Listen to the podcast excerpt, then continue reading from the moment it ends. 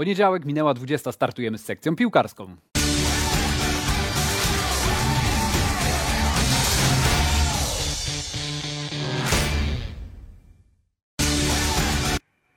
Dominik Wardzichowski, kłaniam się i zapraszam na kolejny odcinek sekcji piłkarskiej. A dziś w naszym programie porozmawiamy o fenomenie Roberta Lewandowskiego. Oddamy królowi to, co królewskie. Porozmawiamy z Arturem Płatkiem o jego metamorfozie, o tym, jak on trafiał do Borussii Dortmund, kiedy Niemcy śmiali się z Roberta Lewandowskiego i nawiążemy do tego momentu, w którym jest Robert Lewandowski teraz, czyli jest o krok od pobicia historycznego rekordu Gerda Millera. Porozmawiamy też o Ekstraklasie. Jesteśmy przed ostatnią kolejką. Dzieje się w Ekstraklasie. Będzie szalona walka o czwarte miejsce, ale też nie wiemy, kto z Ekstraklasy spadnie. W grze zostały jeszcze dwie drużyny, Stal Mielec i Podbeskidzie Bielsko-Biała, a na koniec naszym gościem będzie Wojciech Cygan, prezes Rakowa Częstochowa. Rakowa, który już oficjalnie jest wicemistrzem Polski i na stulecie klubu osiągnął wielki sukces, y, a właściwie dwa wielkie sukcesy, bo nie tylko wicemistrzostwo, ale też Puchar Polski, a ze mną w studiu Dawid Szymczak, dziennikarz Sport.pl. Cześć, witam. Oraz Filip Surma, dziennikarz Kanał Plus Sport. Dobry wieczór. Dobry wieczór, cieszę się, że, że tutaj jestem. Dziękuję za, za zaproszenie, chociaż wiecie, że o tej porze często robię, robię coś, coś innego, konkurencyjnego, ale muszę powiedzieć, że, że z odtworzenia zawsze wracam i, i oglądam również wasz, wasz program. No właśnie, zazwyczaj o tej porze ekstraklasa, ekstraklasa, tak, u ciebie albo, albo po godzinach. Albo prowadzę, albo, albo oglądam. Tak, ale chciałem zacząć od Roberta Lewandowskiego i zapytać Ciebie, Ty myślisz, że Robert Lewandowski pobije ten rekord Gerda Millera? Patrząc na, na statystyki, tę średnią bramę, którą, którą zdobywa, tak uważam, że, że Robert pobije ten rekord, chociaż pamiętajmy, że ten najbliższy mecz jest z Freiburgiem. Freiburg walczy o konferenc lig, więc ma o co grać, a Robert Lewandowski, jak pewnie wiele osób już wie, ma cztery żółte kartki. Jeśli złapie mm. piątą, nie będzie mógł zagrać z Augsburgiem, czyli z drużyną, gdzie jest Rafał Gikiewicz i, i Robert Gumny, ale tak, uważam, że... Też Hansi Flick y, przestrzegał Roberta Lewandowskiego tak. po tym ostatnim meczu na konferencji prasowej, że tutaj Robert uważaj, bo, bo ta żółta kartka może, może przekreślić twoje marzenia. Słuchajcie, z Borussią Mönchengladbach nie było takiego zagrożenia, ale ten mecz z Mainz wcześniejszy, tam Robert Lewandowski wyskakiwał często z takim łokciem w górze, dostał żółtą kartkę i tak naprawdę tam w pewnym momencie ja myślałem, że może być, być czerwona, bo on z tymi napastnikami z obrońcami wchodził naprawdę w taki, taki mocny zwar i to, tam wisiało to w powietrzu. Tak, no, Robert jest takim napastnikiem, który nie odpuszcza, tak? który potrafi zrobić wślizg, który bardzo mocno pracuje też dla drużyny w defensywie. U Hansiego Flika wiemy, jak bardzo ważny jest wysoki pressing, a Robert oprócz tych atutów, o których wszyscy wiemy, czyli oprócz tej bramkostrzelności i umiejętności znalezienia się w polu karnym, uderzenia prawą, lewą, głową, czymkolwiek, e, gdzie jest, to, to zamienia to wszystko w złoto, to jeszcze jest napastnikiem, który bardzo mocno pracuje dla, dla drużyny. To zawsze jest gdzieś z boku, bo, bo wszyscy rozliczamy go za, za bramki. Natomiast rzeczywiście jest to, to, to piłkarz, który potrafi wsadzić e, nogę tak, że obrońca rywala również to, to bardzo mocno odczuje. Ale też jest chyba tak odpowiedzialny, że ja myślę, że ten rekord przez taką głupotę, przez, przez e, piątą, żółtą kartkę mu, no nie pozwoli, żeby mu uciekł. No, mamy nadzieję, że, że tak nie będzie i pobije rekord e, Gerda Müllera. Zobaczymy o tym, jak będzie z tą odpowiedzialnością Roberta Lewandowskiego. Jest z nami Artur Płatek, były scout Borussii Dortmund, który przeprowadzał ten transfer Roberta Lewandowskiego do Dortmundu. Dobry wieczór, panie Arturze, słyszymy się? Dobry wieczór. Nie wiem, czy się dobrze usłyszałem mi się wydaje, no nie, nie pamiętam, żeby ktoś mnie zwolnił z Borussii, no ale jeszcze, jeszcze obecny i myślę, że w przyszłym sezonie też. Współpracownik, no tak, zgadza się, ale no dzisiaj chyba... nie wiem, dlaczego pan powiedział były, no ale... Jasne, zgadza szkodzi, się. Nie szkodzi. Jasne, ale miałem na myśli to, że teraz jednak chyba bardziej też ekstraklasa e, w pana głowie, ale zostawmy to, wróćmy do Roberta Lewandowskiego. E, panie Arturze, e, jak pan wspomina ten początek Roberta Lewandowskiego, kiedy, no tutaj nie oszukujmy, Niemcy śmiali się z Roberta Lewandowskiego, Lewandowskiego. Nawet y, w sieci krążył taki filmik na początku y, jego y, tej przygody z Borussią Dortmund, kariery w Niemczech, z takimi kompilacja pudeł. Jak pan wspomina te czasy i kiedy pan teraz myśli o tym, w którym miejscu jest Robert Lewandowski? E, zawsze te początki są ciężkie, szczególnie jak się wie, jak Polska, gdzie, gdzie ta intensywność, szczególnie ta intensywność, gdy nie jest na takim poziomie jak w Bundeslidze, i te przestawienie e, dla tych młodych chłopaków, bo to, to Robert był bardzo młodą osobą, e, jest ciężkie. E, jednym to się udaje szybciej, drugim troszkę, troszkę dłużej to trwa czasu. W przypadku Roberta myślę, że to wszystko ta cała historia zakończyła tak, tak dobre koło, że dzisiaj widzimy zawodnika kompletnego, zawodnika, który jest no, jednym, jak nie najlepszym zawodnikiem dzisiaj na świecie. E, ale Robert moim zdaniem ma to wszystko tylko dzięki kilku swoim cechom, jakim to jest upor, praca, determinacja i dążenie do celu. Gdyby, gdyby tego nie było, e, to myślę, że no Robert nie był tam, gdzie jest dzisiaj i, i on sobie po prostu wszystko zapracował ciężką i systematyczną pracą. Systematyczną. Myślę, że to jest najlepsze, najlepsze słowo w przypadku tej osoby. A był taki moment, w którym obawiał się pan, że Robert Lewandowski nie da rady na poziomie Bundesligi?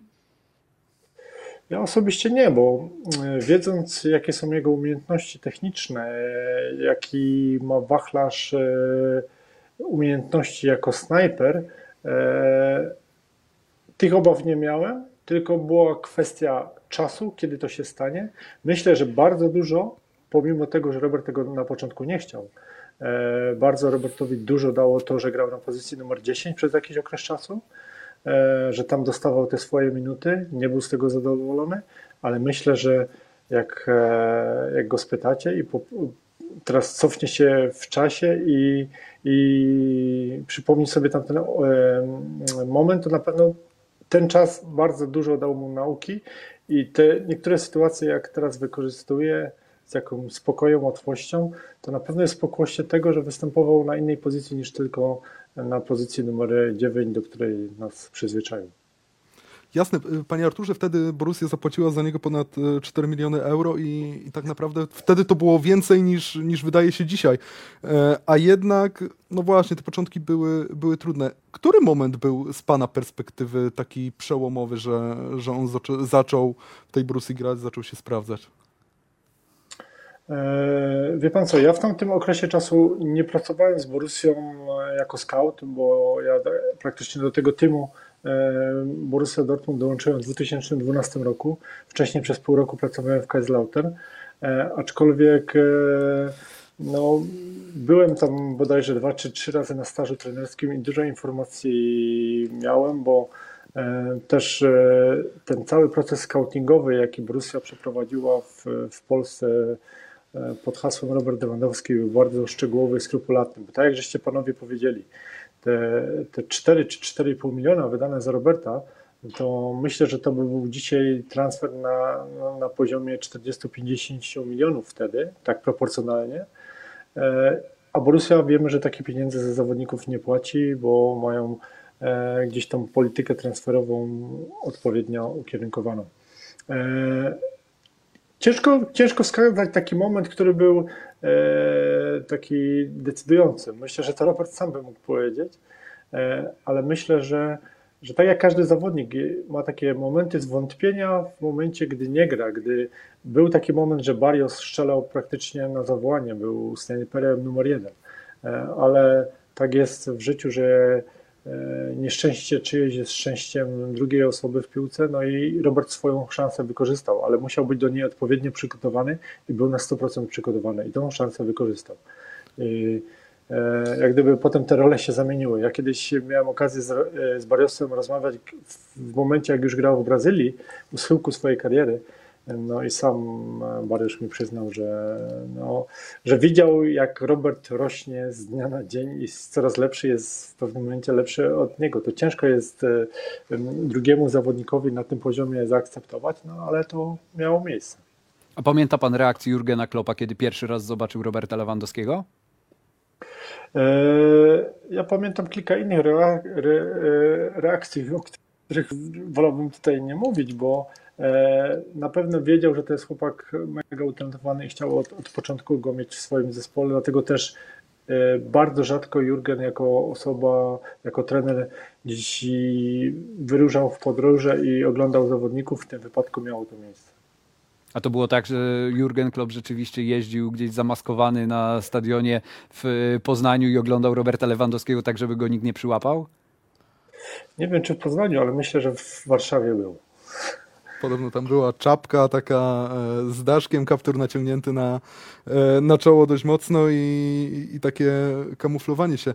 A, bo wiem, że, że pan później miał dostęp do raportów Borussii, e, które sporządzali na, na podstawie występów Lewandowskiego i, e, i pan i widział, że, że wielostronnicowe, prześwietlony z każdej strony, oglądany bardzo szczegółowo, ale nie wszystkie jakby te, te zebrane informacje były pozytywne. Pamięta pan, jakie oni wtedy jemu wskazywali braki i, i co widzieli negatywnego u niego? Wie pan co, to tak jest dzisiaj, jak, e, jak e, oceniamy młodych zawodników, to mm, w dużej mierze e, staramy się przewidzieć, jak dany zawodnik się rozwinie. Wiadomo było, że Robert nie jest jeszcze ukształtowanym mężczyzną, nie jest takim, taką osobowością jak dzisiaj, to jest dla mnie gladiator, to jest chłopak, który tak jak popatrzycie, czy Łukasza Piszczka, czy Kubę Boszczykowskiego, jak oni, zobaczcie ich zdjęcia, jak oni przychodzili do Borussii Dortmund, a jak wyglądają w momencie, jak odchodzą z Borussii Dortmund albo, albo dzisiaj. To są, to są inne postacie, to są inne, e, inni zawodnicy. Dlatego e, też określenie tego, tak jak my to nazywamy, sufitu zawodnika, gdzie ten sufit jest, do którego momentu on może dojść, to było kluczowe. Ten potencjał był bardzo duży, ale nikt się nie spodziewał, powiem szczerze, że ten sufit jest e, aż tam, gdzie jest dzisiaj, że to jest najlepszy zawodnik na świecie. Czyli można powiedzieć, że Robert Lewandowski przebił ten sufit, nawet tych oczekiwań, pewnie może swoich nie, bo to jest y, tak jak y, dał tytuł książki Paweł Wilkowicz, nienasycony i to jest chyba idealne słowo, które oddaje Roberta Lewandowskiego. Tak może on gdzieś w swoich marzeniach ten sufit miał wyżej niż pewnie nawet wy go wtedy oglądaliście i też co pewnie prognozowała wtedy na początku Borussia Dortmund.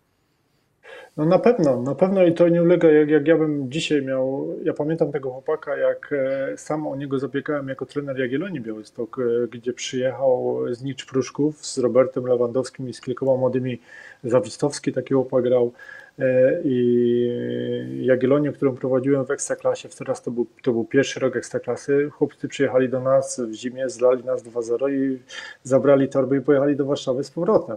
E, to już wtedy wiedziałem, że to jest e, chłopak, e, który ma duży potencjał, ale skłamałbym, gdybym powiedział, że, że to będzie aż tak wielki zawodnik. Na pewno był to zawodnik na Bundesligę, na dobry klub, czy na bardzo dobry, jakim jest Borussia Dortmund, ale on z czasem się rozwinął. On z czasem razem z tym zespołem, który został stworzony przez przez Michele Corka i Jurgena Kloppa Rus z miesiąca na miesiąc, no a po odejściu z Borussii no, wskoczył na następny level i to chłopak idzie, mm, to już mężczyzna, ojciec dwójki dzieci, idzie, jest po prostu, jest no, cyborgiem dla mnie, tak bym to go określił krótko. Dobry wieczór, y, Artur. To kontynuując ten wątek. Y, Roberta Lewandowskiego z perspektywy skauta, co jest takiego najtrudniejsze, kiedy ocenia się takiego zawodnika, kiedy szuka się takich piłkarzy jak Robert Lewandowski? Najtrudniejsze. No, na pewno wszyscy jesteśmy w stanie ocenić wiele komponentów, jakie, jakie, jakie widzimy, czy jakie jesteśmy w stanie zmierzyć, ale tym, tą częścią nieodkrytą i częścią, którą ciężko przewidzieć, to jest głowa zawodnika. Bo to jest, e, to jest ta. E, gdyby ktoś to mógł zmierzyć, i to myślę, że byłby te kariery w stanie bardzo często e, dobrze przewidzieć. Myślę, że to jest obszar nieodkryty i w wielu aspektach widzimy zawodnika i mówimy: Wow, to jest super, to jest super technika, widzi przegląd pola w pewnym momencie gdzieś ta głowa nie dojeżdża i nie ma tego progresu, który widzimy. Dla mnie głowa jest czynnikiem, jak to nazwiemy, głowa, mentalność, e, sposób e, kształtowania swojej kariery, świadomość. E, to jest, to jest decydujący czynnik o tym, czy w, tej, w tym sporcie przez duże S na najwyższym poziomie światowym, czy odnosisz sukces, czy nie. Potem dbałość o detale, dbałość o poprawę swoich tych e, elementów, e, które gdzieś tam nie są najwyższej jakości. Cały czas rozwój nad sobą. Myślę, że to zbudowało Roberta i to, co jest koło niego, myślę, że wszystko ma pokładane, rodzina, wszystko jak gdyby przebiega tak, jak przebiega. Myślę, że tą też tak obserwując różne też inne przy, przypadki z innych krajów, gdzie, gdzie spotykam zawodników różnej, różnej narodowości, różnych mentalności, to myślę, że te czynniki, z jakich rodzin się wywodzą, jakie ich niekiedy sytuacje spotkały, tak jak w przypadku Roberta, smutna niestety, są decydują, niekiedy decydujące albo kluczowe. Panie Arturze, a bo pan y, mówi o sprowadzaniu w ogóle piłkarzy, ja bym to zawęził do napastników i, i skonfrontował pana z taką opinią Arsena Węgera, która mi się spodobała, że napastnika najtrudniej wybrać, że najłatwiej na transferze napastnika się przejechać, że jeżeli obserwujesz środkowego pomocnika, to możesz łatwiej przewidzieć, jak on się wkomponuje w twój zespół. A to pole karne, ta szesnastka jest cały czas jakimś takim, nawet dla trenerów, takich jak Guardiola, jak e, Thomas Tuchel, e, ta szesnastka jest trochę takim obszarem niezbadanym, że tam decyduje instynkt, instynkt, tam decydują takie detale, ułamki sekund, że przewidzieć to wszystko jest bardzo trudno i czasami napastnik strzela w jednym klubie, teoretycznie powinieneś go przenieść do swojego i wszystko powinno zagrać. Brzmi no, znajomo, tak Brzmi znajomo bardzo. Wiem. E, trafił, to jest, jest tym coś? Pan punkt. Na pewno jest. No, nie, możemy tak powiedzieć, że może, e, to nie jest tak klasa e, zawodnika, na pewno nie, ale możemy tą sytuację przyporządkować do tego, co się dzieje w Górniku Zabrze odnośnie Bojaciego. W każdym innym klubie zawodnik szczela, gra, e, gra na odpowiednim poziomie, e, ale też ma odpowiedni serwis. Sprowadzamy chłopaka, wiemy jak gra, wiemy jak się porusza, wiemy co musimy dostarczyć e, i widzimy, że jest problem. I widzimy, że jest problem w wielu aspektach i, i niestety musimy się z tym faktem zmienić. A, a dzisiaj muszę przyznać, że że wiedząc jak gra trener Broż, wiedząc jakiego chce zawodnika, bo chciał zawodnika, który gra dobrze tyłem do bramki, który się potrafi utrzymać. Dzisiaj yy, to jest moja, mogę powiedzieć, porażka. Nie, na pewno nie ściągnąłby Bojaczego, tylko zawodnika, który jest bardziej biegający, walczący, yy, bardziej agresywny, ale to już jest myślę, że temat na inną wypowiadanie. No tak, bo wywołaliśmy Ekstraklasa e, na koniec naszego programu, ale bardzo ciekawe wątki pan tutaj poruszył. Ale to ja by, chciałbym, żeby jeszcze ożywić naszą dyskusję, to dorzucić e, Pawła Kryszałowicza, byłego reprezentanta Polski, byłego zawodnika Eintrachta, Eintrachtu Frankfurt. Dobry wieczór, panie Pawle. Witam Dobry wieczór. Panie Pawle, Witam. to pytałem tutaj Filipa o to, ale zapytam też pana, czy Robert Lewandowski pobije rekord Gerda Millera? Jest na jak najlepszej drodze i chyba cała Polska mu tego życzy. E, no ale to jest tylko piłka i wszystko jest w niej możliwe. Ja liczę, że pobije i będzie, będzie w historii zapisze się niemieckiej piłki Polak i to będzie dla nas ogromny sukces. No właśnie, tutaj widzimy te liczby Roberta, Roberta Lewandowskiego. Ro, mhm, Roberta Lewandowskiego. Tak, zgadza się. Tutaj widzimy liczby Roberta Lewandowskiego. Brakuje jednego gola Polakowi do tego, żeby wyrównać ten historyczny rekord Gerda Millera. Dwóch goli, żeby go pobić. To też wszystko możecie śledzić w centrum hmm. Warszawy. Sport.pl uruchomiło specjalny licznik Roberta Lewandowskiego, który dość głośnym echem odbił się nie tylko tutaj w polskich mediach. Chyba lepsze ale... to niż ten dług publiczny, tak, który, tak, który też jest, tam był nabijany. Tak też. to wygląda w Warszawie. Ale chciałbym jeszcze pana, panie Pawle, zapytać e, z perspektywy zawodnika, byłego napastnika reprezentacji Polski, piłkarza, który grał też w Bundeslidze. E, gdzie pan widzi właśnie ten moment, kiedy Robert Lewandowski wszedł na ten absolutny szczyt? Um, oczywiście. My wszyscy zachwycamy się naszą ligą ekstraklasą, bo jesteśmy Polakami i lubimy oglądać. Dużo jest narzekań na tę ekstraklasę, ale my lubimy oglądać. Ja przynajmniej oglądam dużo meczów. Dzisiaj też, może nie całe, ale E, sporo część oglądałem meczu e, Rakowa z Piastem, ale żeby być zawodnikiem e, klasy światowej, to nie trzeba, niestety trzeba z Polski wyjechać. Bo my mimo wszystko, że my bardzo kochamy naszą ligę, ale ona po prostu ma poziom niezadowalający, delikatnie mówiąc, żeby być zawodnikiem klasy światowej. I przypomnijmy sobie, jak Robert wyjechał do Niemiec, że też musiał bardzo ciężko pracować na to, żeby stać się podstawowym zawodnikiem Borussii Dortmund. I jak już wszedł w ten rytm, a widać to, co ja przysłuchiwałem się trochę wcześniejszej rozmowie, e, rozmowie że Robert e, naprawdę jest e, ustawiony na to, żeby grać w piłkę nożną i osiągać jak największe, największe sukcesy. Na pewno ma pełno wyrzeczeń, bo to jest potrzebne do tego. I on zrozumiał to, jadąc już na pewno tam, będąc w, w Niemczech, ile mu jeszcze brakuje. Powiedział, że pewnie sobie pomyślał, że ja dam radę No i daje radę i już e, tak się rozwinął w Borussii, że myślę, że w tamtym czasie nie tylko Bayern go chciał ściągnąć, ale dużo więcej prasa pisała, dużo lepszych klubów e, i bardziej utytułowanych na świecie.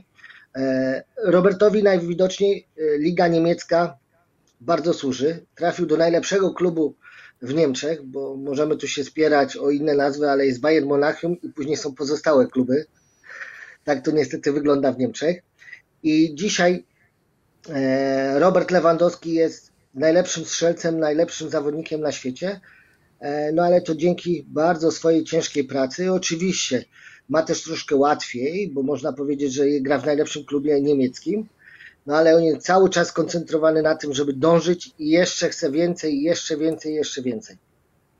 Panie Pawle, ja bym pana zapytał tak z boiska, jak pan wróci wspomnieniami. Jaką jedną cechę pan by wziął od Roberta Lewandowskiego i, i dał do swojej kariery, żeby osiągnąć jeszcze więcej? Wszystko bym wziął. Tak myślałem, że taka będzie ja odpowiedź. Wszystko, wszystko Ale złota rybka spełnia tylko jedno, tylko jedno życzenie. Tylko jedno życzenie. To tak ciężko wybrać. On jest tak kompletnym zawodnikiem, że, e, że wszystko. Ciężko tak jest powiedzieć. E, myślę, że ja też miałem dosyć instynkt taki szwedzki, że piłka zawsze się śmieje, śmiali, że piłka spada koło mnie, odbije się od trzech zawodników, a koło mnie spadnie. No to tego już bym nie wybrał, ale, ale przede wszystkim e, Robert Lewandowski jest maszyną. E, to nie jest człowiek, to jest maszyna. E, I, I, myślę, że ta fizyczność, ten sposób poruszania się po boisku, no myślę, że to ja bym wziął, bo resztę można wytrenować. Panie Pawle, a pan może trochę więcej o tym instynkcie powiedzieć, wytłumaczyć, czym ten instynkt jest, bo e, to jest zachwycające, jak już napastników. Jest tak wytłumaczyć, no jesteś w polu karnym między trzema obrońcami, a piłka spada ciągle ci pod stopy. No, skąd mam wiedzieć? I to są schematy drużyny, czy to jest szczęście, czy co to Nie, jest? Nie, to tak jest, to jest takie szczęście, przypadek i trzeba tylko być zawsze skoncentrowanym, żeby to starać się wykorzystać. Ale Robert Lewandowski, wracając do niego, no to, to jest, e, no proszę spojrzeć, on z każdej, z każdej piłki potrafi uderzyć. On nigdy się nie zastanawia. On widać, że ma dużo rzeczy wytrenowanych. Tych ruchów strzeleckich ma mnóstwo wytrenowanych i on się nie boi, czy to lewa noga, czy prawa noga, czy głowa. On tylko ma piłkę, ma chwilę możliwości do uderzenia, od razu uderza i nie zastanawia się. I większość, większość tych strzałów no, wpada do sieci. No, bramkarze mają zagwózdkę i I, I Robertowi też dopisuje szczęście, bo też piłka spada, ale no to szczęściu trzeba pomóc. No, ja zawsze tak mówię. Panie Arturze, napastnik, pana... w ciągu, napastnik w ciągu meczu ma parę minuta, dwie minuty e, piłkę przy nodze i musi coś z tego zrobić. Jak zobaczymy całą statystykę napastników, e, szczególnie w polu karnym, no to są ułamki sekund, gdzie ma piłkę przy nodze. I, I on musi z tego coś zrobić. I Robert to doskonale robi. Robert w Bayernie troszkę gra inaczej, bo on gra takiego zawodnika, który może sobie na dużo więcej pozwolić. Raz jest na lewej stronie, raz jest na pra prawej stronie, ale przeważnie, przeważnie jest w środku i kończy te wszystkie akcje. Panie Arturze, ja chciałem e, tutaj e, dopytać pana, bo bardzo ciekawą rzecz pan Paweł powiedział, że polski zawodnik, żeby się rozwinąć, musi wyjechać z ekstraklasy. Pan się zgadza z tą opinią? No tak, ale to, oczywiście zgadzam się z Pawłem.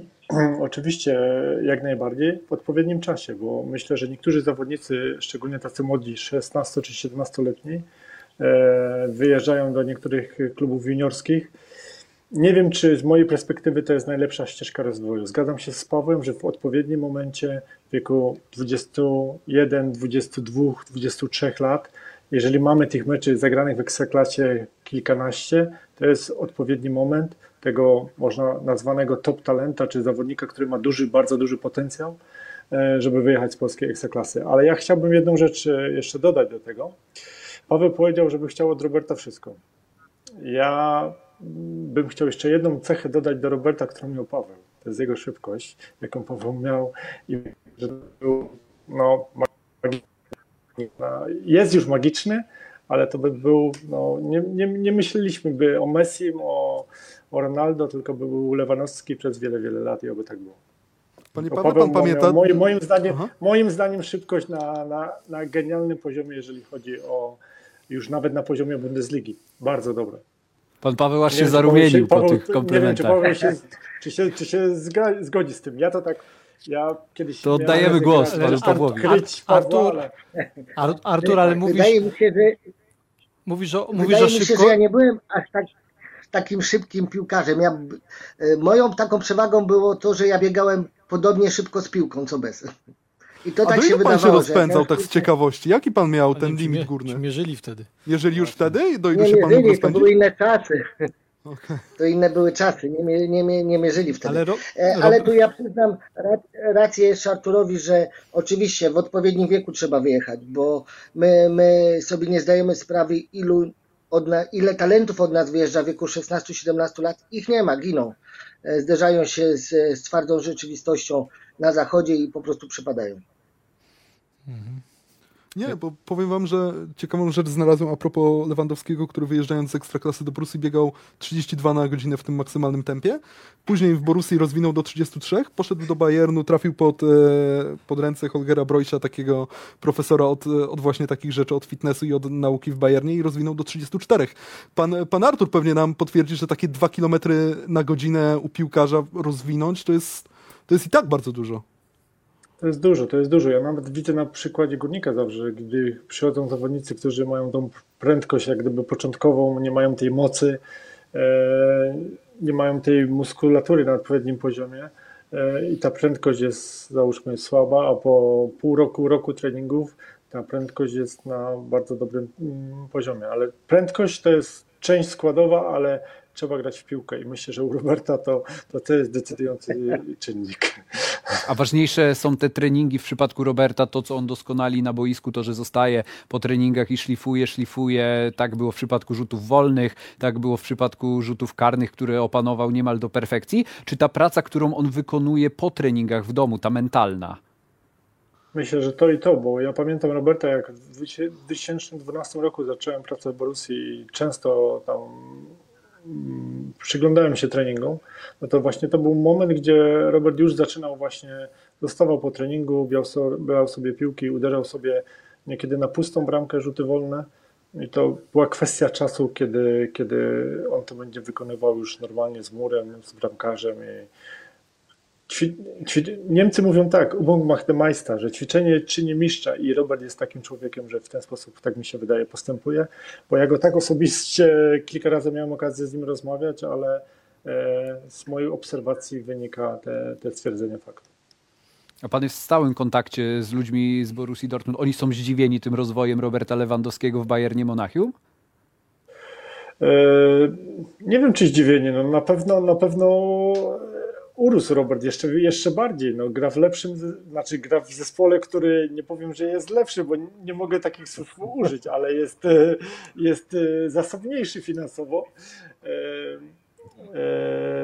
Na pewno Robert zrobił bardzo duży krok do przodu i to nie ulega wątpliwości i to myślę, że każda osoba z Borussii to przyzna. Ja mam, ja mam do Was pytanie, bo, bo i Artur Płatek jako scout Borussii Dortmund, też dyrektor Górnika Zabrze obserwuje bardzo dużo, dużą liczbę piłkarzy w Polsce. Paweł Kryszałowicz jako e, członek Pomorskiego Związku Piłki Nożnej też, jak wiemy, jest, e, jest fanem e, oglądania też piłkarzy. Czy Wy dzisiaj widzicie zawodnika z Polski, który ma potencjał, by być kiedyś Robertem Lewandowskim, właśnie w wieku 16 lat, 17-18 lat. Czy, czy w tym notesie skauta Borussii Dortmund jest, jest jakieś nazwisko i też y, Paweł Kryszałowicz y, widzi takiego piłkarza? To może Paweł, a ja potem Czy powiem mamy- moje zdanie. Mamy, mamy plejadę młodych zawodników bardzo talentowanych. E, Tylko do, tutaj, jak już Artur powiedział wcześniej, no, czy oni są nastawieni na piłkę nożną tak na 100%? Ciężko mi jest powiedzieć. Na dzień dzisiejszy to jest bardzo ciężkie pytanie, bo to w wieku 17 lat można być e, e, naprawdę najlepszym, a w wieku 18 lat nie można grać w seniorach. No, może nie grać w seniorach i to tak, to tak e, ja bym tak, ja bym tak do tej sprawy nie podchodził, że w wieku 17-18 lat można już sprawdzić, czy osoba będzie pokroju, pokroju Roberta Lewandowskiego. Moim zdaniem bardzo długo będziemy czekali na drugą taką osobę, jak Robert Lewandowski. Naprawdę to jest perełka, która nam się wykluła tu spod e, tej naszej piłeczki, e, którą przez tyle lat nie mieliśmy naprawdę zawodnika takiej klasy. światowej. E, Ale Robert jest, Robert jest przykładem dla wielu, wielu młodych ludzi i, i może jeszcze nie teraz, ale w przyszłości na pewno się doczekamy zawodnika, zawodnika, który pójdzie tym tropem, podejdzie do zawodu tak jak Robert, bo mają przykład tego, że może się udać, pochodząc nawet nie z dużego klubu, ale może się udać zrobić karierę światową. Więc tu wszyscy dzisiaj znają Roberta Lewandowskiego w Polsce i on jest numer jeden. Ja na dzień dzisiejszy nie, nie podjąłbym, e, nie zająłbym zdania, czy ktoś z obecnych zawodników młodych e, będzie e, następcą Roberta Lewandowskiego, czy ma szansę być. Panowie, to ja na moment, na moment wam tylko przerwę, jak mogę, bo mamy gorące połączenie. Y, Wrócimy jeszcze do rozmowy i z Pawłem Kryszałowiczem i z Arturem Płatkiem, ale mamy gorące połączenie z prezesem Wojciechem Cyganem, prezesem Rakowa Częstochowa, tuż po wicemistrzostwie Polski. Dobry wieczór, panie prezesie, czy się słyszymy? Dobry wieczór. Słyszymy się, słucham z uwagą i, i Pawła, i pana dyrektora Płatka. Naprawdę szacunek. No jeszcze Roberta Lewandowskiego Raków pewnie nie sprowadzi, ale panie prezesie, y, co teraz się dzieje w Częstochowie? Y, Raków jest oficjalnie wicemistrzem Polski. Zdobyliście też w tym sezonie Puchar Polski na stulecie klubu. Wielki sukces. Y, Co teraz się dzieje na stadionie, pod stadionem? Czy są kibice? Jak to wygląda na gorąco? Akurat pod moim gabinetem jest szatnia, więc słyszę, że piłkarze śpiewają, tańczą i bawią się. E, Pod stadionem przed chwilą byłem, e, widziałem, że kibice zbierają się, jest oczywiście asysta policji, ale, ale wszystko jest e, w warunkach kultury pełnej i myślę, że żadnego niebezpieczeństwa nie ma.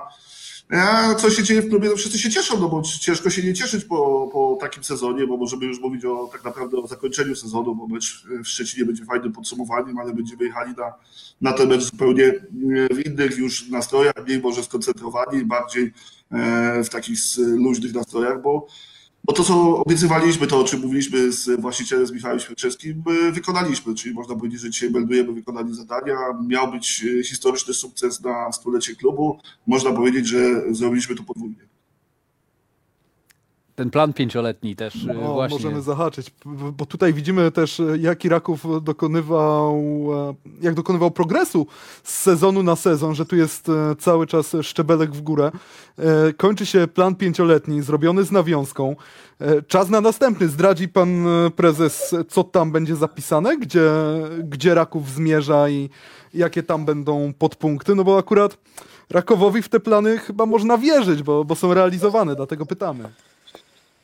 Znaczy, nie chciałbym odebrać, zostać odebrany jakaś tam osoba zupełnie odrealniona, ale no, skoro w chwili obecnej jesteśmy zdobywcą Pucharu Polski zajęliśmy drugie miejsce w tabeli, to pewnie w naturalny sposób można by mówić, że e, co można więcej osiągnąć? No, można zdobyć pierwsze miejsce w tabeli i zdobyć Puchar Polski, ale Naprawdę, dzisiaj nie jest dzień na to, żebyśmy y, plany ogłaszali.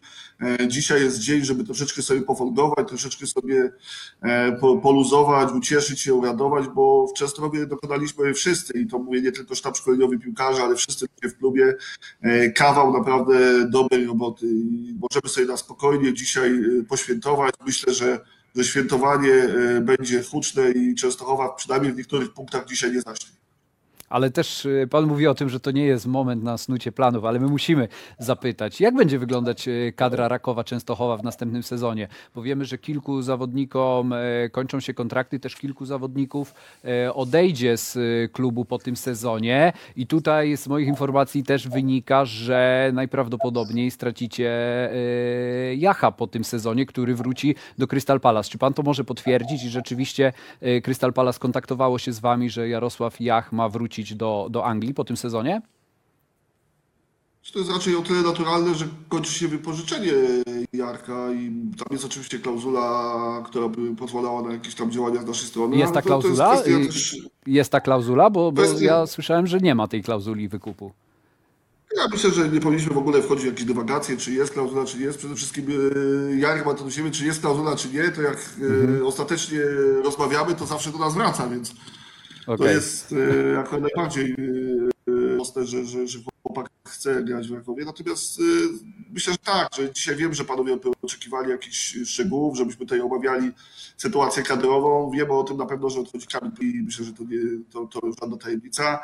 E, wiemy, że, że wewnątrz klubu, że, że też niektórzy zawodnicy od nas na pewno odejdą, ale to będą zawodnicy, to cały czas podkreślam, w sytuacji, w której my, to będą takie odejścia kontrolowane, tak? Czyli to będzie taka sytuacja, w której my y, na taką sytuację jakby przymykamy oko i godzimy się, czyli jeżeli pojawią się jakieś dobre oferty, to pewnie y, nad tymi ofertami się pochylimy i, nad nimi będziemy pracować. Natomiast nie będzie takiej sytuacji, że jakiś zawodnik nagle dowiemy się na, na nie wiem, 90 minut.pl, że podpisał y, kontrakt w innym klubie, więc tu jakby w ten sposób jesteśmy zabezpieczeni. Ta praca jeżeli chodzi o transfery w Rakowie, ona tak naprawdę nie wygasa, bo ona cały czas y, trwała po zakończeniu e, tamtej rundy. Te spotkania są cykliczne, odbywają się w gronie scoutów, w gronie, w gronie osób decyzyjnych, w gronie dyrektora sportowego. Więc jak, jak mówię, to, to ciężko, żebyśmy dzisiaj wymieniali te nazwiska, bo dzisiaj y, chciałbym z tymi chłopakami poświętować, a, ale na pewno w najbliższych dniach będziemy już powoli y, informować o tym, którzy zawodnicy nie pojawią się w Rakowie w przyszłym sezonie. Panie prezesie, dobry wieczór. Wielkie gratulacje za zdobycie wicemistrzostwa Polski, też za, za Puchar Polski. To, to proszę powiedzieć, panie prezesie, a propos świętowania, kto tam wodzi rej w szatni w takim razie? Porozmawiajmy o tych sprawach. Znaczy nie jest wielką tajemnicą, że najgłośniejszy jest Maciek Sikorski do bramkarzy, bo, bo wiadomo, że, że on jest tutaj y, duszą towarzystwa i tym, który da, nadaje ton. E, zabawie, ale widzę, bo przed chwilą też byłem w szatni, to, to wydaje mi się, że i trochę nutek hiszpańskich jest, i trochę portugalskich. E, myślę, że Czesi i Słowacy też, e, też trochę pośpiewają. Na, na razie powiedzmy, że rytmy są z każdego zakątka kraju, więc ciężko tutaj wskazać, kto, jest, kto dorwał się w chwili obecnej do, do tej maszyny, która puszcza muzykę. E, panie prezesie, a jaka będzie taktyka na, na to okno transferowe? Będziecie próbowali to robić w ten sposób, żeby Marek Papszon jeszcze przed e, pucharami miał kadrę jak najbardziej skompletowaną? Bo rozumiem, że, że pewnie w całości się nie da, ale czy będzie jednak takie czekanie i czasami wiemy, jak jest, e, jaka jest pozycja polskiej ligi i czasami trzeba czekać na to, co spadnie z tego stołu i, i zastanawiam się, na ile, ilu zawodników można sprowadzić przed pucharami? Mam nadzieję, że wystarczająco dużo, żeby w tych pucharach yy, nie, nie okazać się jakąś kometą, która przez nie po prostu przeleci. Natomiast yy, poważnie, no wiadomo, że rozmawiamy z trenerem o, tym, żeby tych zawodników e, jak najwięcej yy, pojawiło się przed startem e, pucharów. Pewnie może być tak, że jacyś pojedynczy zawodnicy jakieś ruchy jeszcze będą e, siedziały pod koniec okna, natomiast to jest tak naprawdę miesiąc bardzo intensywnej pracy w klubie i to jeżeli chodzi o dział scoutingu, jeżeli chodzi o dyrektora sportowego, jeżeli chodzi o właściciela, trenera, sztab szkoleniowy. Tak naprawdę my możemy sobie dzisiaj poświętować, jutro niektórzy mogą poleczyć się po poświętowaniu, ale pewnie już tam w trzeba by się zacząć myśleć nie o leczeniu i nie o świętowaniu, tylko o tym, co zrobić, żeby Raków nie był klubem, który pojawił się, zrobił fajny wynik, wszyscy o nim głośno mówią, ale za kilka miesięcy ktoś powie, a to przypadek i, i tak naprawdę wpadli, może i nawet przytupem, ale z równie wielkim przytupem z, tej, z, tej, z tego towarzystwa wypadli. Panie prezesie, a jest już decyzja, gdzie Raków zagra w europejskich pucharach? Znaczy na pewno na jakimś stadionie spełniającym kryteria e, UEFA i to jestem pewien. Natomiast poważnie jakby rozmawiamy z wykonawcą, e, wiemy, że te wymogi licencyjne, jeżeli chodzi o stadion na te pierwsze rundy kwalifikacyjne, E, nie są specjalnie wyśrubowane w porównaniu do podręcznika licencyjnego PZPN, wobec czego jakaś nadzieja na, na to jest, natomiast y, zobaczymy. No, to jest kwestia też y, rozmów. Widzę te zdjęcia, ale to takie dość archiwalne. Archiwalne, tak. No dzisiaj widzieliśmy, że już się pojawiły też krzesełka za bramką, więc, no, coś, więc te prace cały czas się, trwają. się dzieje. Naprawdę za chwilę, za chwilę zaczynamy, czy wykonawca zaczyna montaż tej trybuny na, naprzeciw E, trybuny zadaszonej, czyli na tą prostą. Myślę, że z każdym tygodniem ten stadion będzie wyglądał lepiej i o tym też mówiliśmy.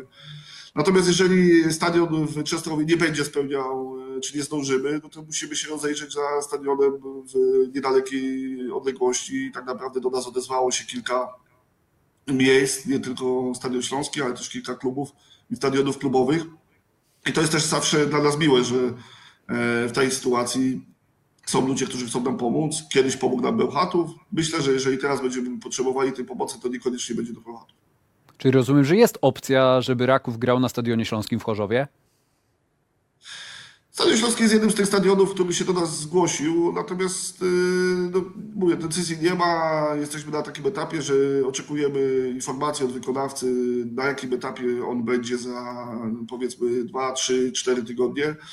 E, wtedy, kiedy będziemy musieli rozmawiać z UEFA i, i już decydować.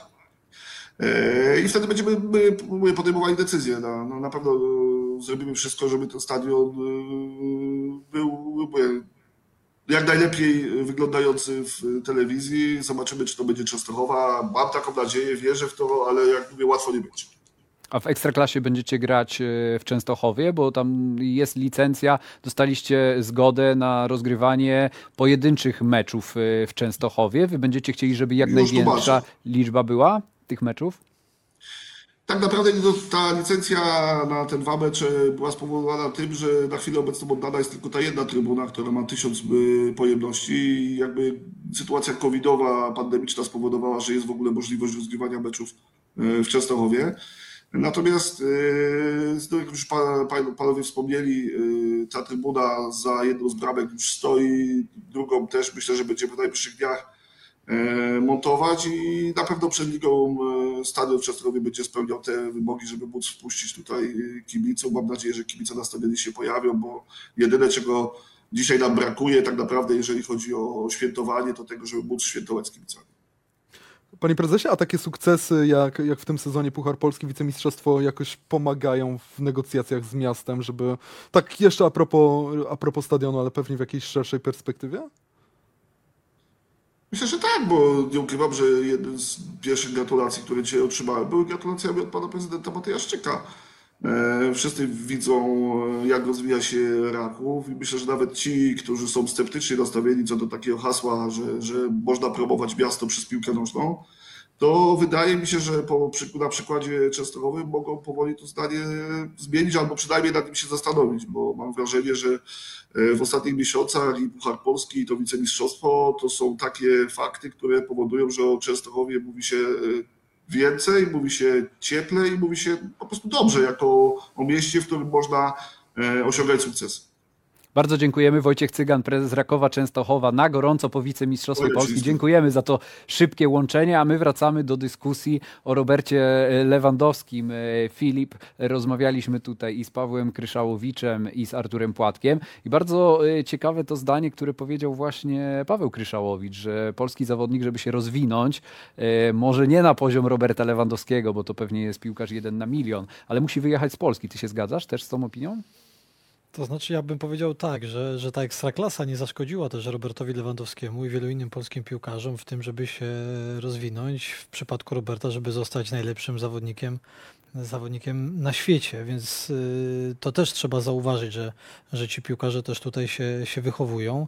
Pewnie takich piłkarzy moglibyśmy mieć, mieć więcej, którzy mogliby pójść tą, tą drogą, no ale nie ulega wątpliwości, że, że na zachodzie te, czy, czy na wschodzie, jeśli mówimy tutaj o lidze rosyjskiej czy, czy ukraińskiej, te możliwości są dużo większe do, do rozwoju zawodników. I chodzi o całą infrastrukturę, o opiekę trenerską, y, możliwość właśnie rozwijania się z każdym z trenerów indywidualnie, bo, bo Robert y, dużą uwagę poświęca też, pytałeś o, to, o ten trening indywidualny, no, do tego też jest potrzebny sztab, sztab ludzi, którzy zaopiekuje się takim zawodnikiem od, od rana do, do wieczora, więc te, te możliwości są, są dużo większe. Też dostęp do różnego rodzaju technologii, których my jeszcze nie, nie mamy. Mam tutaj na myśli bazę y, treningową, y, różne rodzaju sprzęty, jak Footbonaut i tak dalej, i tak dalej, tego jest, tego jest wiele.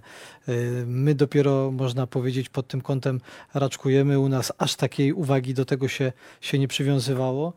Y, mamy przykład w Ekstraklasie, są piękne stadiony, może poza Rakowem Częstochowa, który dopiero się, się tworzy. Ten, ten stadion ma być docelowo dla, dla potrzeb Akademii, natomiast ta baza gdzieś jest zostawiona, zostawiona odłogiem. Jeżeli to się zmieni, oczywiście są już kluby, tak jak Legia Warszawa, y, Lech Poznań, Pogoń Szczecin się buduje mm, i tak dalej, i tak dalej. Jeśli to się zmieni, to mam, mam nadzieję, że tych piłkarzy, którzy, którzy będą na takim e, zbliżonym, zbliżonym poziomie, e, czy na poziomie, no, który da nam jeszcze większe wyniki, yy, chociażby w reprezentacji Polski, no będzie ich, będzie ich coraz więcej. Są jeszcze z nami Artur Płatek i Paweł Kryszałowicz, więc wróćmy No jestem do ciekaw rozmowy. właśnie, tak, Artura, właśnie. czy ma, ma w tym swoim notesie zapisanego kogoś, bo, bo, bo ma bardzo dobre oko też do, do wyszukiwania piłkarzy, jest właśnie scoutem Borussii Dortmund i, i, i pewnie tam, tam cały czas Pewnie szu- proszą o szu- szuka i szpera. Tak, jest jakieś nazwisko na liście, panie Arturze?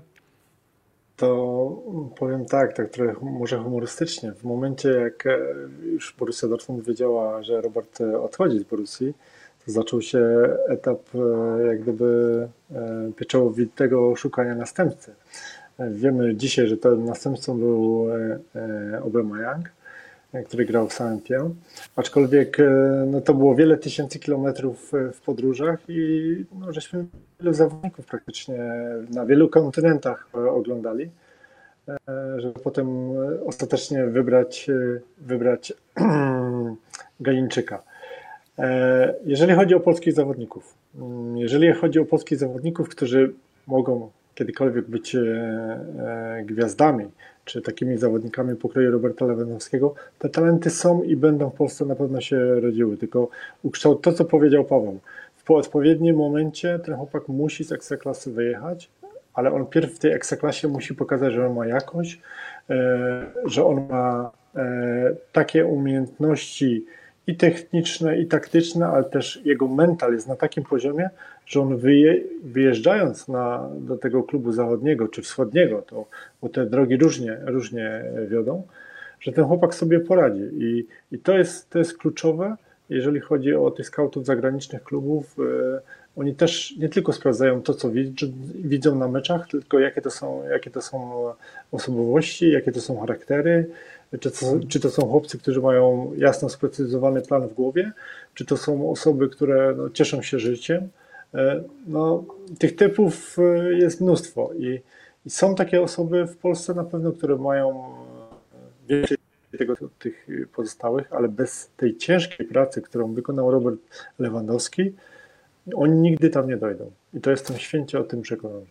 Ale jeżeli patrzy pan dzisiaj na, na tych nastolatków, to oni robią wszystko, żeby e, być takim drugim Robertem Lewandowskim, żeby e, być maksymalnie profesjonalny, żeby zwracać uwagę na odżywianie, na regenerację, na to wszystko, co tak naprawdę Robert Lewandowski mi pokazuje jako instrukcję obsługi piłkarza na Instagramie. I wiem, że jak, jak rozmawiam czy z jakimiś agentami piłkarzy, czy z samymi młodymi piłkarzami, no to oni mówią, że tak, no, że, że Instagram jest jakąś ściągawką, a jeżeli możesz tego Lewandowskiego spotkać na kadrze albo porozmawiać z kimś, e, z kim on pracował, to można zapytać i wiem, że on staje się jakąś inspiracją. Pytanie, czy to są tylko słowa, czy za tym idą czyny i to już pan wie najlepiej, bo, bo obserwuje tych zawodników na co dzień, chociażby w Górniku. Ja powiem tak, że świadomość zawodnika dzisiaj, a świadomość zawodnika 10 lat temu czy 20 lat temu jest zdecydowanie lepsza i to na zupełnie innym e, poziomie się to odbywa, nawet tych zawodników młodych. Także opieka poprzez grupy menedżerskie czy menedżerów e, jest też lepsza i bardziej ci zawodnicy są świadomi. Ale e, zawsze zdarza się taki jeden czy dwa takie przypadki, gdzie można by było szybciej troszkę już dostać tej pracy takiej indywidualnej, o której żeście tutaj mówili, od zawodnika, aczkolwiek no, nie zawsze to idzie optymalne, ale, ale jest to na pewno lepiej niż było kilkanaście lat temu i ci chłopcy są o wiele bardziej świadomi. To z mojej takiej perspektywy, z moich takich e, odczuć e, z tymi zawodnikami, z którymi e, przebywam i pracuję, tak, tak to po prostu widzę.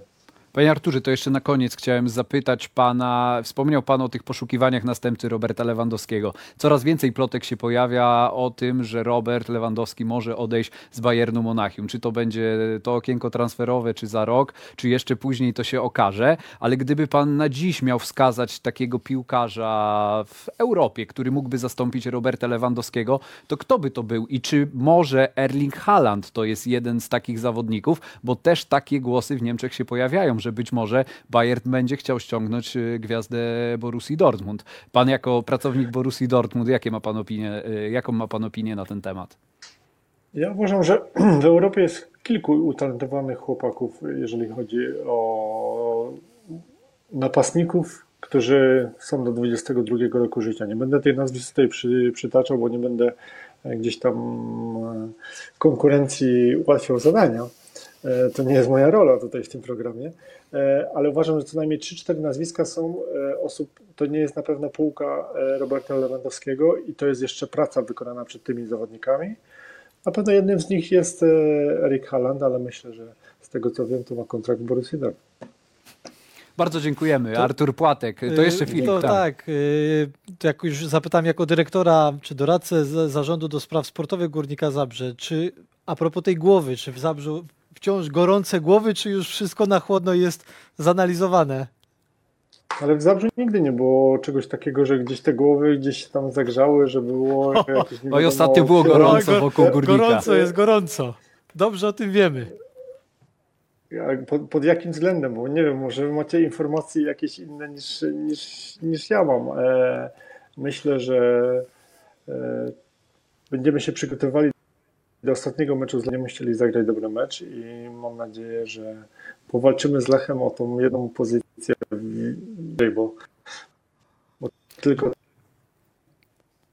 Dziękujemy bardzo, Artur. Sezon tak, tak się skończył, jak się skończył. I w tym temacie dziękuję.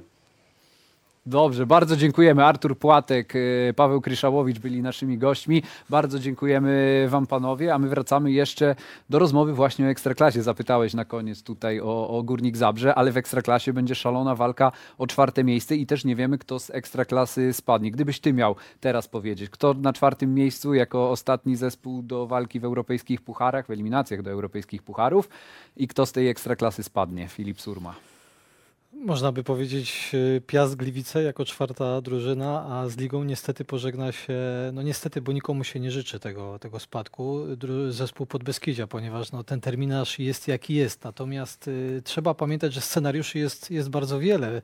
Pamiętajmy, Stal Mielec zagra w ostatnim meczu ze Śląskiem Wrocław, ze Śląskiem, który jak widzimy w tabeli ma realne szanse na, na czwarte miejsce w lidze, więc tam będzie bardzo trudno stali. Tylko pod Beskidzie ma chyba jeszcze punkty. trudniejsze zadanie, bo natomiast, musi wygrać przy Łazienkowskiej. Tak, musi wygrać przy Łazienkowskiej, natomiast no, Legia już nie musi on nie, nie walczy o nic, prawda? Legia ma zapewnione już mistrzostwo, więc wydaje mi się, że z takiej perspektywy e, mentalnej o wiele trudniejszy mecz czeka Stal Mielec niż zespół Podbeskidzia. Tutaj raczej wszyscy szykują się w Warszawie na, na święto, na, na jakąś e, fiestę. Oczywiście przyjdą kibice i Legia przed swoimi fanami będzie chciała no, przyklepać ten, ten sezon i, i, te, i ten kolejny 15 w historii Y, tytuł y, mistrza Polski.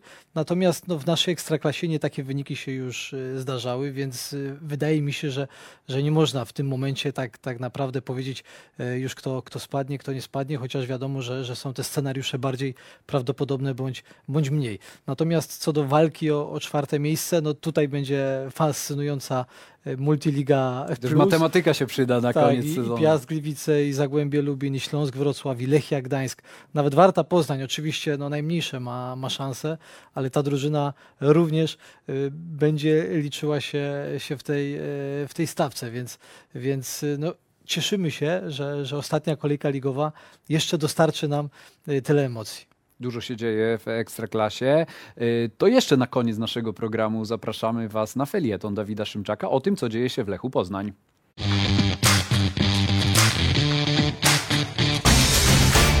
Zwycięstwo 2 do 1 z Wisłą Kraków niewiele zmienia. Pozycja Lecha w tabeli na koniec sezonu nie będzie lepsza niż dziewiąte miejsce. Rozczarowanie kibiców nie zmaleje. Konsekwencje z tak fatalnego sezonu Lecha mają zostać wyciągnięte po ostatnim meczu. Niemal na pewno dojdzie do zmian w sztabie szkoleniowym Macieja Skorży. Trener Lecha ma też zadecydować o przyszłości piłkarzy, którym od kilku tygodni wnikliwie się przygląda. Z bułgarskiej słychać, że u Skorży przeważa rozczarowanie. Przede wszystkim niezbyt wysoką ambicją części zawodników. Dlatego trener dostał od prezesów Lecha dość dużą swobodę w kształtowaniu kadry na przyszły sezon. Wyjątkowy, bo setny w historii klubu. Część decyzji odnośnie pozbycia się kilku piłkarzy już zapadła, ale na razie, przed ostatnim meczem sezonu, nikt z Lecha nie chce ich publicznie ogłosić. Mówi się też o karach finansowych, które piłkarze mają otrzymać po sezonie. Pierwsza poinformowała o tym Interia po porażce ze Stalą Mielec. Która przekroczyła znane dotychczas granice wstydu. Lech stracił bowiem dwa gole w końcówce meczu po wrzutach z autu. W konsekwencji przegrał 1-2, na co prezesi Lecha mieli zareagować nałożeniem wspomnianych kar. To zaskakujące z przynajmniej dwóch powodów. Po pierwsze, trudno będzie te kary wyegzekwować. Piłkarze mają wpisane w kontrakty pensje i nie da się z nimi wiele zrobić. Prezesi mogą im zamrozić pensję, ale i tutaj sprawa nie jest oczywista, bo system premii ustala się wcześniej, z reguły przed sezonem. Prezesi Lecha mogą postawić piłkarzy pod ścianą, naginając przepisy, odebrać im część pieniędzy, ale jeśli któryś z nich zadecyduje się walczyć o swoje w sądzie, będzie na wygranej pozycji. Stąd też wielu kibiców w tej deklaracji prezesów widzi przede wszystkim zagranie pod publiczkę, które ma nieco udobruchać wracających na trybuny fanów. Poza tym, czy w tej sytuacji przerzucanie winy na piłkarzy jest właściwe, to władze Lecha Poznań odpowiadają za obecny kształt i jakość gry. To prezesi i dyrektor sportowy sprowadzili konkretnych zawodników i pozytywnie ocenili ich umiejętności. To oni wciąż bardzo oszczędnie wydają pieniądze zarobione w europejskich pucharach i pozyskane choćby na rekordowej sprzedaży Jakuba Modera to oni od lat pozwalają na przeciętność klubu i wciąż nie chcą obiecać kibicom zmiany. To Maciej Skorża jako pierwszy tak wyraźnie powiedział o tym, że chce w przyszłym sezonie, by jego zespół walczył o mistrzostwo i Puchar Polski. Z ust prezesów takie zdanie nigdy nie padło. Przez ostrożność, zachowawczość, bojaźń przed niepowodzeniem i publicznym ośmieszeniem się. Skorża podjął to ryzyko. Co kibicom po samych deklaracjach? Wbrew pozorom znaczą one całkiem sporo, bo są przejawem ambicji, której w klubie pozostały już tylko okruchy.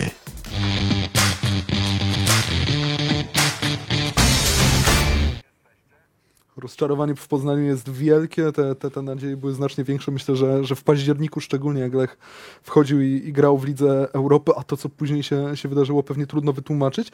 E, ale nie tylko w Poznaniu mają problemy i tak się zastanawiam Filip, która druży, którą drużynę byś uznał największym rozczarowaniem sezonu? Oprócz Lecha Poznań, tak? Nie, no uwzględnijmy no. Tak, no to Lech Poznań na pewno, bo to jest drużyna, która miała walczyć o, o Mistrzostwo Polski, a co najmniej zająć miejsce premiowane grą w europejskich pucharach. No to jest jedna z tych drużyn, która ma być tą, tą naszą wizytówką y, w Europie. Była, do, jeżeli mówimy tutaj o eliminacjach do, do Ligi Europy. Później już, już wyglądało to, to słabiej, natomiast cieszyliśmy się taką grą, jaką prezentowała w pewnym momencie ekipa trenera Dariusza Żurawia. Natomiast źle to wszystko się potoczyło, myślę, dla, dla Lecha. E, w to wszystko też został, tak mówiąc kolokwialnie, ubabrany trener Maciej Skorża. Ja uważam, że, że to nie był dobry moment na, na zmianę trenera. Jeszcze do tego te kary finansowe, czyli chwytanie się tych ostatecznych narzędzi. E, nie jest to według mnie dobry prognostyk na, na nowy sezon, bo ten trener nie wchodzi na, na nowe rozgrywki z czystą kartą, tylko już e, no, troszeczkę z mocną, myślę, zabrudzoną, ponieważ nie dźwignął też tego Lecha Poznań w takim stopniu, w jakim wszyscy się, się spodziewali. Więc wydaje mi się, że, że w Lechu potrzebna jest jakaś głębsza, głębsza reforma. Mm, to tyle, jeśli chodzi o, o Lecha, o Lecha A taka Poznań. głębsza reforma jest też potrzebna Wiśle, No, Wiśle bo Kraków, bo, właśnie, kiedy, bo- bo kiedy patrzymy na to, tak. co się dzieje, na, na ten gest Jakuba Błaszczykowskiego ostatnim meczu, On no chyba to tam jest nie otwarta pomaga tak wojna. naprawdę. Tak, to, Tak, to, to, no, to i- można jako jeśli wojna. o, o jeszcze o rozczarowaniach tego sezonu, tutaj oprócz Lecha, Lecha Poznań, to, to tak, to postawiłbym na, na krakowskie drużyny, czyli i na Wisłę, i na, i na Krakowie. No, Krakowie dlatego, że, że głośno tam mówiło się o tych najwyższych celach, a, a drużyna broniła się e, przed spadkiem. Natomiast e, Wisła, Kraków, no to jest jeden e, wielki niewypał z trenerem Peterem e, Chybalą, 뭐 ale trzeba pamiętać, że, że Kuba Błaszczykowski oczywiście wykonał ten, ten e, gest, e, dał do zrozumienia, co myśli o trenerze Chybali, natomiast mi tak do końca to, to się nie podoba, co się, co się dzieje w Krakowie, bo, bo przecież sam też Kuba brał udział w zatrudnianiu tego, tego trenera. No, musieli mieć rozeznanie, kogo będą mieli na, na ławce e, trenerskiej, jaki charakter, e, w jaki sposób on prowadzi e, drużyny. To jest trener, który też, jeśli popatrzymy w CV, e, w jego wiedzę, doświadczenie, skończył szkołę w Kolonii, tą samą, którą koszta Runiajcz, bo z nim był przecież na, e, No, na ro- co Flick, co na roku- Nagelsmann, co tak, Tuchel tak, i tak no, dalej. To dokładnie. Pracował y, w Holandii, e, pracował z Dunajską Stredą, o której mówiło się, że, e, że za jego czasów e, grała bardzo atrakcyjny futbol, więc cała ta, ta historia e, ma u mnie duży, duży niesmak. Oczywiście Chybala też źle traktował Kubę Błaszczykowskiego. To też była jakaś farsa, wpuszczanie go chociażby w meczu z Zagłębiem Lubi na, na ostatnie minuty przy wyniku, który wiemy jaki, jaki był. Y, więc wydaje mi się, że, że tam też potrzeba e, dużego przemyślenia, kto ma być ewentualnym następcą Petera Chybali, bo, bo, bo tego jesteśmy, jesteśmy pewni, że, że taki będzie. Natomiast to już musi być dobry, przemyślany wybór, no żeby takich, e, takich sytuacji, e, takich sytuacji, żeby takie sytuacje nie miały, nie miały miejsca, bo one osłabiają też Wisłę w tym przypadku jako klub. Zastanawiam się tylko, wiesz co, czy Kuba Błaszczykowski, który z Peterem Chybalą mógł zrobić wszystko, musiał to robić publicznie. Czy, czy to było po prostu potrzebne i czy to komuś pomogło, czy to zrobiło dobry wizerunek klubowy? I myślę, że, że nie. Tam patrząc na, na wizerunek właśnie, jak to się rozjeżdża, te, te wszystkie relacje klubowe, no to jest to bardzo źle rozegrane. I też myślę dla samego Kuby, bo, bo Kuba, jak pamiętamy, zachowywał klasę, kiedy no, to mi mm, właśnie trener Adam Nawałka taką... na przykład trzymał go, prawda, i wpuszczał na ostatnią e, minutę, kiedy odbierano mu y, opaskę kapitana reprezentacji Polski Polski. Wtedy tak wydawało się, że jest ponad, ponad to wszystko. Tutaj oczywiście e, to wszystko w nim jak gdyby wybuchnęło jak, e, jak wulkan, e, ale tak jak mówisz, dla, dla wizerunku myślę, nie było to, to potrzebne i ta, ta historia zaczyna się od początku, od samego zatrudnienia Petera Chybali. Tutaj trzeba sobie postawić znak znak zapytania, dlaczego w takim momencie postawiono właśnie na, na, tego, na tego trenera. Tak jakby no nie spodziewano się, się jego, jego reakcji, a przecież e, myślę, że, że dzisiaj żyjemy już w takich czasach. Rozmawialiśmy przed momentem e, ze skautem e, Borussii Dortmund, Arturem Płatkiem, który opowiada, jak prześwietla się zawodników z każdej strony, kiedy sprowadza się ich do, do klubu. No to nie inaczej, myślę, musi być, musi być z trenerami. No, na poziomie ekstraklasy myślę, że możemy tego wymagać, tym bardziej, że, no, że Kuba grał e, w takich e, klubach na, na zachodzie, że, że, że widział to